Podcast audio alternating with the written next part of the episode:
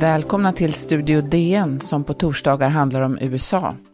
Ekonomin var Donald Trumps starkaste kort inför valrörelsen, men under coronakrisen har allt fallit samman. Arbetslösheten har stigit från 3,5 till nästan 15 procent på några veckor. Vad ligger bakom de siffrorna?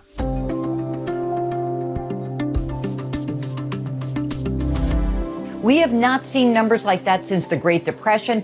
This is 10 times the worst single month right after World War II, 25 times worth, worse a single month that we saw in the Great Recession.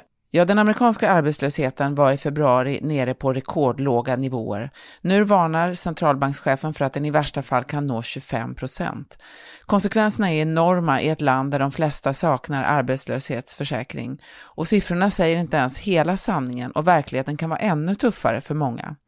Carl-Johan Fonsett, du är ekonomikommentator på DN. Eh, USA är världens största ekonomi, men varför ska vi bry oss om deras arbetsmarknad? Ja, man kan, eh, man vill gärna hålla, hålla, koll, hålla koll på USA av, kanske av två anledningar. Det, det, första är att det kan vara så att de ligger lite före ur, eh, Europa på arbetsmarknaden. Så den, den eh, stora arbetslöshet som de, de har där nu kanske kan komma hit. Och det andra är ju att det är världens största ekonomi och en väldigt viktig exportmarknad för resten av världen och ja, även Sverige. 20 miljoner amerikaner ungefär förlorade jobbet i april och under maj det, har det varit nu över 3 miljoner i veckan. Arbetslösheten är uppe då i 14,7 procent och eh, all annan ekonomisk statistik i stort sett pekar också åt fel håll. Centralbankschefen Jerome Powell varnade i slutet av förra veckan då för att det kan hamna på då ännu mera. Så här sa han. The scope and speed of this downturn are without modern precedent, significantly worse than any recession since World War II. We are seeing a severe decline in economic activity and, in, and employment, and already the job gains of the last decade have been erased. Du nämnde att, det kan, att USA kan ligga före Europa. Eh, varför skulle de göra det? Ja, USA avviker väldigt mycket mycket på arbetsmarknaden, alltså arbetslösheten är mycket högre än, eh, än den är i de flesta europeiska länder. Och det finns inget annat, eller det finns ingen rent ekonomisk förklaring till det. USAs ekonomi verkar inte ha drabbats hårdare än, än någon ekonomi i Europa egentligen under coronakrisen sådär allmänt. BNP verkar kunna klara sig lite bättre, i alla fall under första kvartalet. Eh, då får man tänka på andra förklaringar till varför, varför USA ligger så mycket högre då med, med 15 procent eh, jämfört med Sverige som kanske ligger på 8 nu. Förmodligen lite högre. Ja, och då är ju ett, en förklaring att eh, anställningsskyddet i USA är mycket lägre förstås eh, än, än i Sverige. Och att det, är lätt, det går snabbare helt enkelt. Det är lättare att göra sig av med folk helt enkelt. Det är lättare, och, men det innebär ju att ett, ett företag som, eh, som ser att de inte kan ha kvar anställda, de kan ju säga upp dem väldigt fort i USA. Medan det i, i Sverige och andra europeiska länder så, så sker det med lite fördröjning helt enkelt. Det kan vara en av förklaringarna till att, till att vi ser så stort så, så stor gap mellan, mellan USA och Europa. Just det. Du var inne också i en, i en artikel du skrev på att det också kan vara så eh, att eh, eh, hjälpen till eh, i USA går framförallt till de arbetslösa, jag tror att du har skrivit det, och medan i Europa så eh, hjälper man också bolag eh, som innan mm. de har sagt upp personal. Men man kan också titta lite grann på de här siffrorna, 14,7 procent. Bakom den siffran så döljer sig en del andra siffror. Den där, även den, när arbetslösheten i USA var som lägst så är ju det en liten skev eh, bild av arbetsmarknaden. Man kan prata om arbetskraftsdeltagande som ju är ett mått på hur många av, eh, hur stor andel av arbetskraften, eh, alltså de som är arbetsföra, som faktiskt jobbar. Och i den ligger ju väldigt lågt i USA. Nu är den nere på uh, ungefär 60 procent. Och den har varit så, det så låg, riktigt så låg har den inte varit sedan i början av 70-talet. Mm. Men den pikade någon gång i slutet av 90-talet och då var den nära 70 procent. Och bakom det här så ibland så säger man att det är, är rätt många i USA som inte söker jobb aktivt. De har helt enkelt gett upp gett upp um, mm. och tror inte att de kan få några jobb, fast de egentligen skulle vilja jobba. Många söker ju, jobbar ju ofrivilligt deltid och skulle vilja jobba mycket mer. Um, och antalet som vill, vill ha jobb men som inte ingår i arbetsmarknaden ökade med nästan 10 miljoner personer bara i april enligt då arbetsmarknadsdepartementet. Mm. Eh, vad betyder det här? Alltså hur ska man se på de här siffrorna? Hur, hur ska man se på den amerikanska arbetsmarknaden? Den har ju förändrats väldigt mycket sedan finanskrisen framför allt. Och, och en förklaring till att eh, ja, det, det, har varit en väldigt dubbel bild av arbetsmarknaden i USA sedan dess. Alltså, arbetslösheten som du, som du nämnde var i vintras rekordlåg. Och mycket lägre än i de flesta länder, som eh, även Tyskland som har eh, avundsvärd låg arbetslöshet. Samtidigt som man har då inte särskilt hög sysselsättning. Alltså det, det är en stor del av dem i, i, befolkningen mellan 18 och pensionsålder som, som inte deltar alls.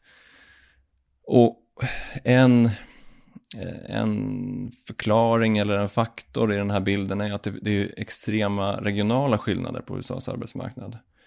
Och många, ja, man, man tänker framförallt kanske på det som kallas rostbältet, eh, där, där arbetsmarknaderna har varit ganska kärva sedan 80-90-tal och bara egentligen försämrats de senaste 20 åren.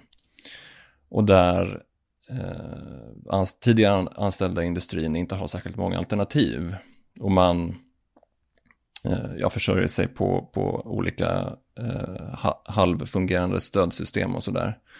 Eh, så det, det, hör, det hör verkligen till bilden av USAs arbetsmarknad, att det, den, är, eh, det, den är motsägelsefull, väldigt splittrad regionalt mellan kuster och inland. Eh, och, det. Men det man ser nu är, är ju att det vänds upp och ner helt och hållet och mm. det, det, slår ju på, det slår väldigt brett, den, den krisen som man ser nu. Och allra hårdast är de redan utsatta. Eh, mm. Jerome Powell, då, centralbankschefen, han nämnde i sitt tal att 40 procent eh, av de hushåll som har mindre än 40 000 dollar om, eh, om året i inkomst, alltså ungefär 400 000 kronor i ett hushåll, mm. 40 procent av de som hade jobb eh, i februari förlorade det i mars. Mm. Eh, en av dem var 45-åriga Nelis Rodriguez, hon har jobbat 20 år på en hotellrestaurang i Chicago eh, men har nu förlorat eh, jobbet. Så här säger hon. I don't know if people want to sit in restaurants so close to each other anymore. And it's scary. You know, you've been doing it for 21 years. It's like, well, those, that's all I have on my resume. Where do I go next? Ja, vad skulle du säga, Carl-Johan? Vad händer med dem som är arbetslösa? Vad händer med dem nu? Ja, det är, det är typiskt att det är, eh, det är ett typiskt fall med en kvinna i tjänstesektorn som blir av med jobbet. För det är det mönster man ser i statistiken nu. Och det avviker från tidigare kriser när, när det slår hårdast, eller snabbast åtminstone, mot industrin och, och byggbranschen kan drabbas väldigt hårt till exempel. Men nu är det eh, tjänstebranscher, ja, typiskt sett restauranger och annat med, med, med, med fler kvinnor och fler lågavlönade också.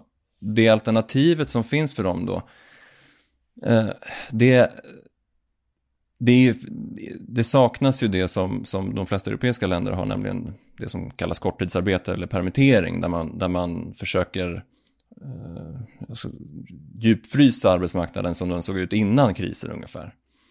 Och låta företag övervintra med sina anställda. Det finns inte i samma utsträckning eh, i USA, det varierar lite grann mellan delstater.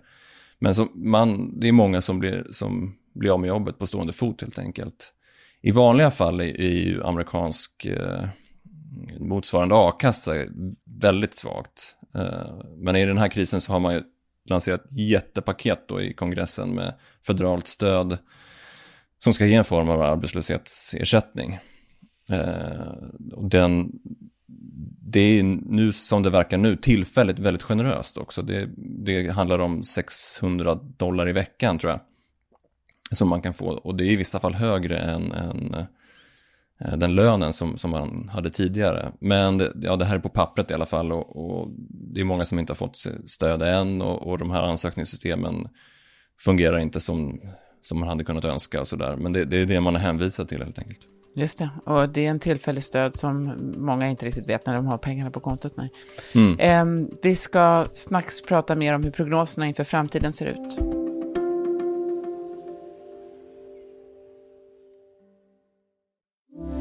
Ja, Carl-Johan, du är ekonomikommentator på DN. Kan man jämföra den här situationen med depressionen på 30-talet? Är det en relevant jämförelse? Ja, den är, den är naturlig när man tittar på bara arbetslöshetstalet då som, är, som ligger, ja som vi har sagt, närmare 15 procent. Myndigheterna själva tror att den egentligen är högre på grund av mätproblem man har nu. Uppåt 20 kanske. Och då får, måste man gå tillbaka till, till 30-talet och, och den stora depressionens värsta år egentligen. Där man hade, om det var 31-32, så hade man en arbetslöshet över 20 procent. Men det har aldrig hänt sedan dess och, och, det finns inget år sedan andra världskriget då det ser lika illa ut som det gör just nu. En, en skillnad även från eh, det som ser nästan värre ut än depressionen är att det går mycket snabbare nu. Mm. Ja. Jerome Powell han varnade för att det här kan ta väldigt lång tid eh, att komma ur. Han sa så här. The record shows that deeper and longer recessions can leave behind lasting damage to the productive capacity of the economy. Avoidable household and business insolvencies can weigh on growth for years to come. Long stretches of unemployment can damage or end workers' careers as their skills lose value and professional networks dry up, and leave families in greater debt.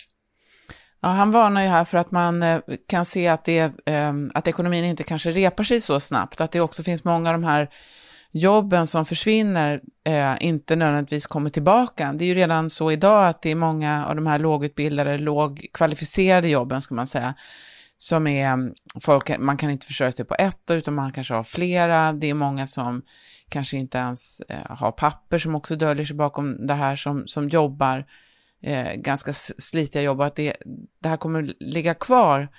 Eh, man kan också säga att det, lågkonjunkturer har ju sett, återhämtningen har ju sett olika ut under olika lågkonjunkturer. Mm. Ibland har det gått ganska fort och ibland har det tagit längre tid.